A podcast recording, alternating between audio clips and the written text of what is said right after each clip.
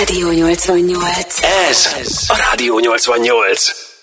Rádió 88, 5 perccel járunk 8 óra után, jó reggelt, és az előbb ugye elkezdtünk már beszélgetni arról, hogy mi a helyzet most a rezsi csökkentés csökkentés kapcsán a napelemekkel, hőszivattyúkkal, és rengeteg kérdésünk van ezzel kapcsolatban, úgyhogy némi segítséget is kérünk. Itt van velünk most a stúdióban Csábi László, a 3Com ZRT vezérigazgatója. Jó reggelt Jó reggelt. szia! Jó reggelt kívánok, üdvözlöm a Rádió 88 hallgatóit.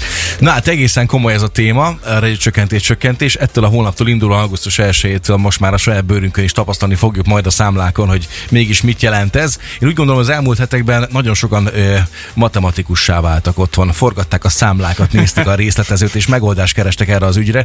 És hát aki megteheti, vagy éppen van lehetősége rá, akár infrastruktúra, akár pénz szempontjából, én úgy érzem, hogy a napelem lesz a megfelelő választási módszer arra, hogy ezt a dolgot kivéthessük. Jól gondolom?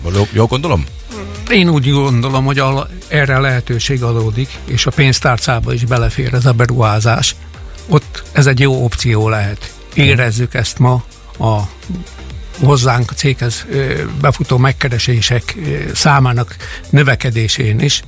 Ma egy érdeklődő boom van nálunk, a normál üzletmenetnek körülbelül a tízszerese terhelés Azt mutatkozik. Azt a mindenit. Egyébként mik azok az alapfeltételek, amelyeknek meg kell felelni egy háztartásnak ahhoz, hogy egyáltalán elgondolkozzanak rajta, hogy napelem szóba jöjjön? A elektromos hálózatra egy adott teljesítmény szinten kapcsolódik minden háztartás. Uh-huh. Ez megvan egy fázison, illetve három fázison.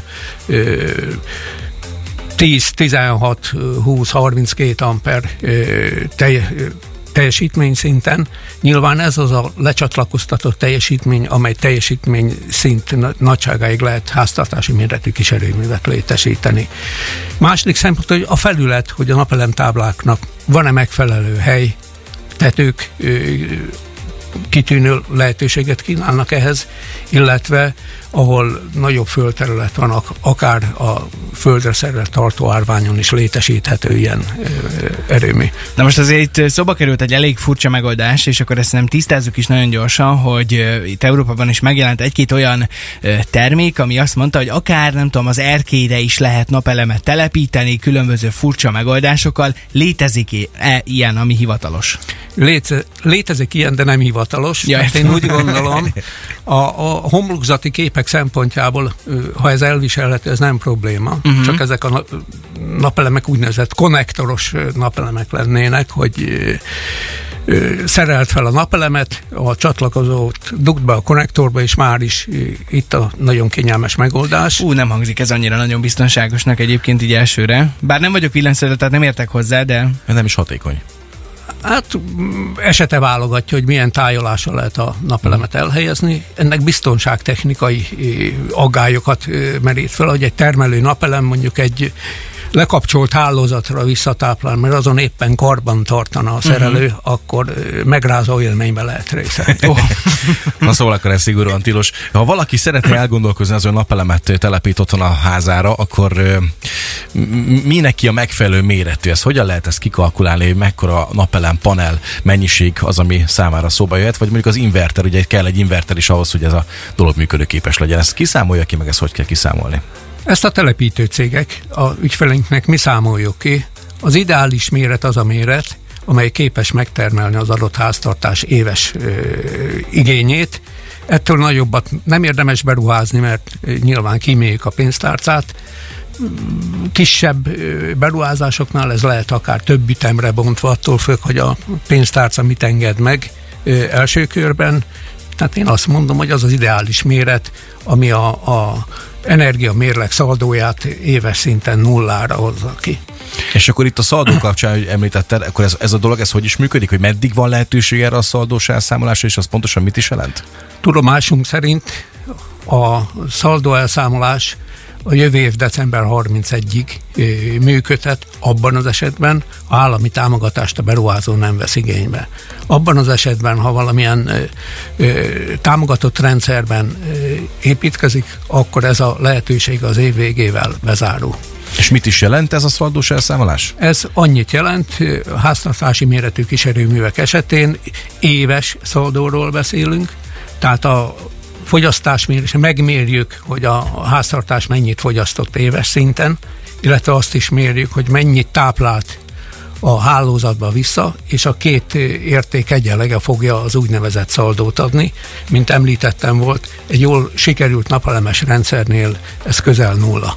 Na, és akkor ezt, ha jól értem, csak hogy mindenki el tudja ezt képzelni, nyilván a napelem feltétlenül akkor is termel áramot, amikor nem biztos, hogy azt az összárammennyiséget felhasználja az adott háztartás. Tehát akkor, ha jól értem, ilyenkor a napelem a hálózatba táplálja vissza ezt a megtermelt áramot. Sőt, akkor is használunk áramot, amikor meg nem termel a napelem, ilyenkor meg a hálózatról veszük az áramot, ugye? Igen, ha a háztartások fogyasztását elemezik, akkor egy reggeli csúcsot, amikor éled a család és indul munkába, akkor tapasztaltunk napközben a háztartás alig fogyaszt. Uh-huh. És a, délutáni koraesti csúcs a legjelentősebb terhelés a, háztartások számára. A napelem ilyenkor már kevésbé termel, vagy már a, termelési szakaszból egy alvó állapotba kerül. Ilyenkor a napközben betáplált villamos energiát vesszük vissza a hálózatból, uh-huh. ugye a szaldónak ez lenne a lényege. A nappal megtermelt energia többletet kölcsön adjuk a hálózatba, uh-huh. majd termelési szünetek időszakában nyilván abból vételezünk vissza. Tehát egyfajta akkumulátorként működik a, a szolgáltató, amikor visszavesz az ember a saját maga által megtermelt áramot. Igen, egy szaladó rendszerben a hálózat a leghatékonyabb uh-huh. tároló rendszer. Mi van akkor, hogyha valaki támogatással sikerült napelemhez jutnia? Azok számára milyen elszámolási rendszer van jelenleg? Jelenleg DEC 31-ig a szaladó elszámolás lehetősége adott. Azt követően úgynevezett bruttó elszámolás ö, ö, időszaka következik, aminek a részleteit még csak sejtük, mert a, mindig a, a, a számok, a matek ö, körül fognak alakulni. Nem tudjuk még, hogy milyen kondíciók mögött ö, közepette fogja az, a többletenergiát megvásárolni a, az áramszolgáltató. Nyilván sok kérdés felmerülhet akkor is, hogy mi a helyzet, hogyha mondjuk egy társasház szeretne napelemet telepíteni, és ezt én pont itt említettem is az előbb, hogy most mi is ebben az élethelyzetben vagyunk, hiszen ott valószínűleg nincs akkora tetőfelület, ami el tudná látni a teljes társasház energiaszükségletét, mármint a napelem, de hogy itt milyen dolgokat kell még figyelembe venni, és hogy mi a helyzet a hőszivattyúval, mert én például nekem őszintén bevallom, halványnél a fogalmam nincs arra, hogy pontosan hogy működik egy hőszivattyú, úgyhogy erre is kitérünk még azonnal. Ez a Rádió 88. Továbbra is itt van velünk a stúdióban Csábi László, a 3Com ZRT vezérigazgatója. Még egyszer jó reggel, szia! Sziasztok! Az előbb ugye hát itt elkezdtünk belemerülni a napelemek rejtelmeibe, és hát többek között az is fölmerült itt, hogy mi a helyzet a társas házak esetében, és ha jól emlékszem, azt mondtad még itt a zene alatt, hogy azért itt külön kell választani azt a részét, hogy mit szeretne a társas ház, így komplet, és mit szeretnének a társas házban lakók külön-külön lakásonként, mert itt azért lehet eltérés. Igen, társasházaknál, ha a társasház közös költségeinek, energiaköltségének uh-huh. a mhm. kiváltására létesítenek napelemes rendszert, azt a lakógyűlése meg lehet szavaztatni, a társasház ilyen ö, erőművet meg tud rendelni, ezzel foglalkoztató cégeknél engedélyeztetés után ezt üzembe lehet állítani, és így a társasháznak a, a közös költsége, a szellőztető rendszer, a lépcsőházi világítás, uh-huh. lift kezelés, ez jelenthet némi megtakarítást. A társasházban lakók uh-huh. igényeire én úgy gondolom, hogy általában nincs elég felület ahhoz, hogy minden minden társasházban, minden lakásnak az igényét ki tudjuk elég, elégíteni. De ettől függetlenül gondolom azért, ha nem is a teljes lakás energiaigényét váltja ki egy napelem, azért az, hogyha belesegít, akkor az is lehet jelentős segítség, vagy nem? Vagy rosszul gondolkodom? Hát lehet, ezt méretezni kell. Nyilván uh-huh. ismerve az adott háztartás fogyasztási szokásait, méreti léptékét, akkor lehet erre megfelelő választatni.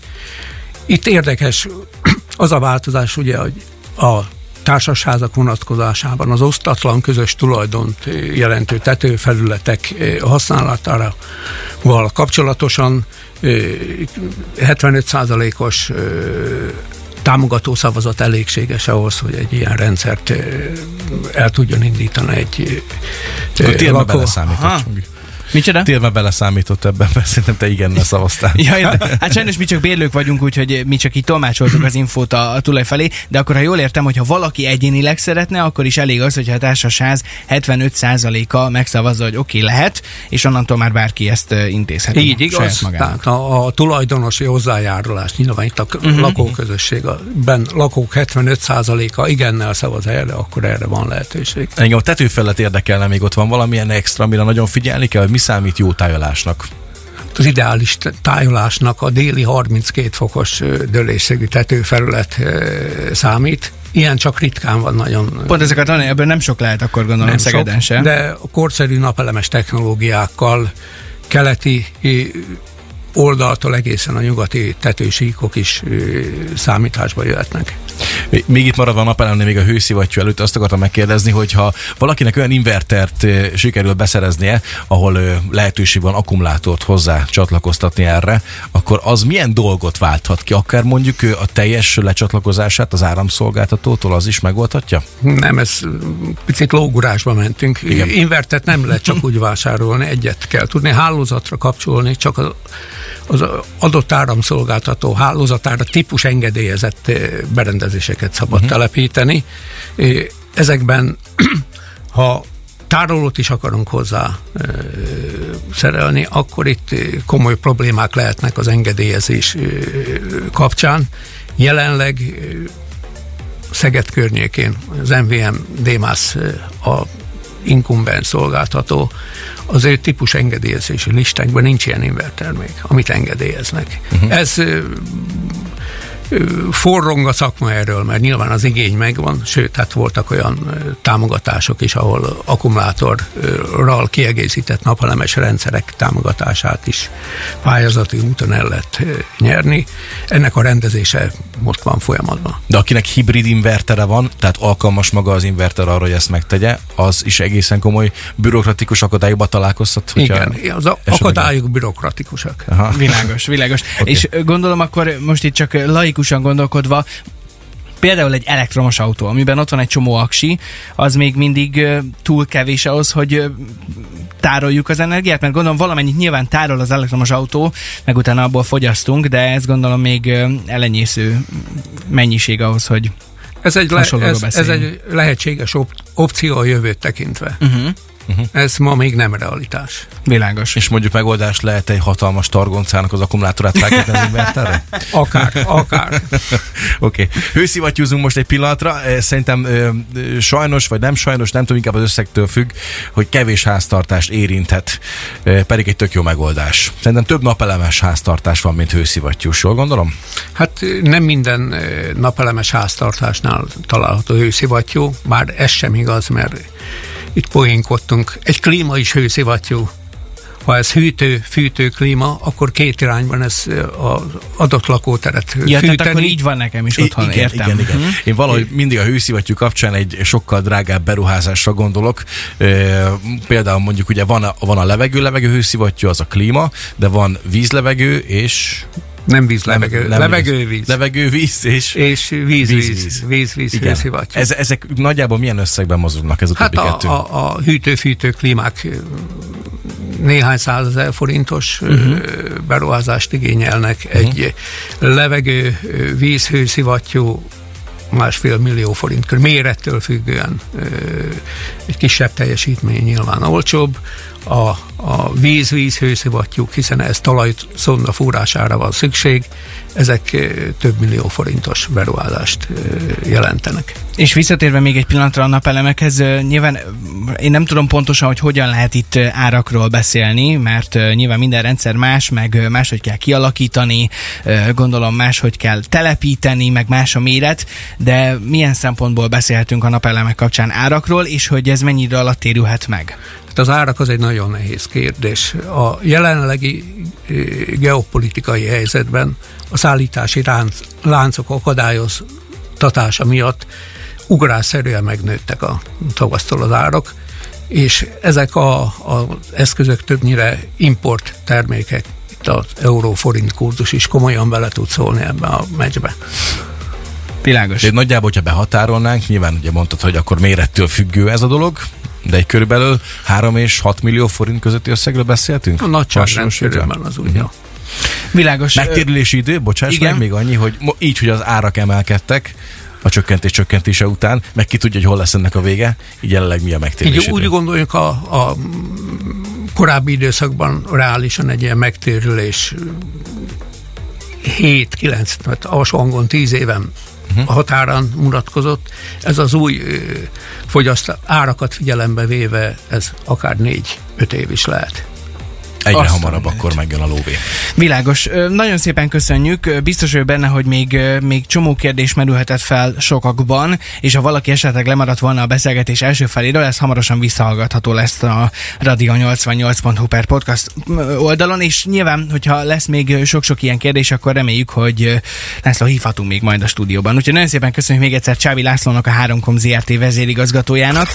Ez a, a Rádió 88.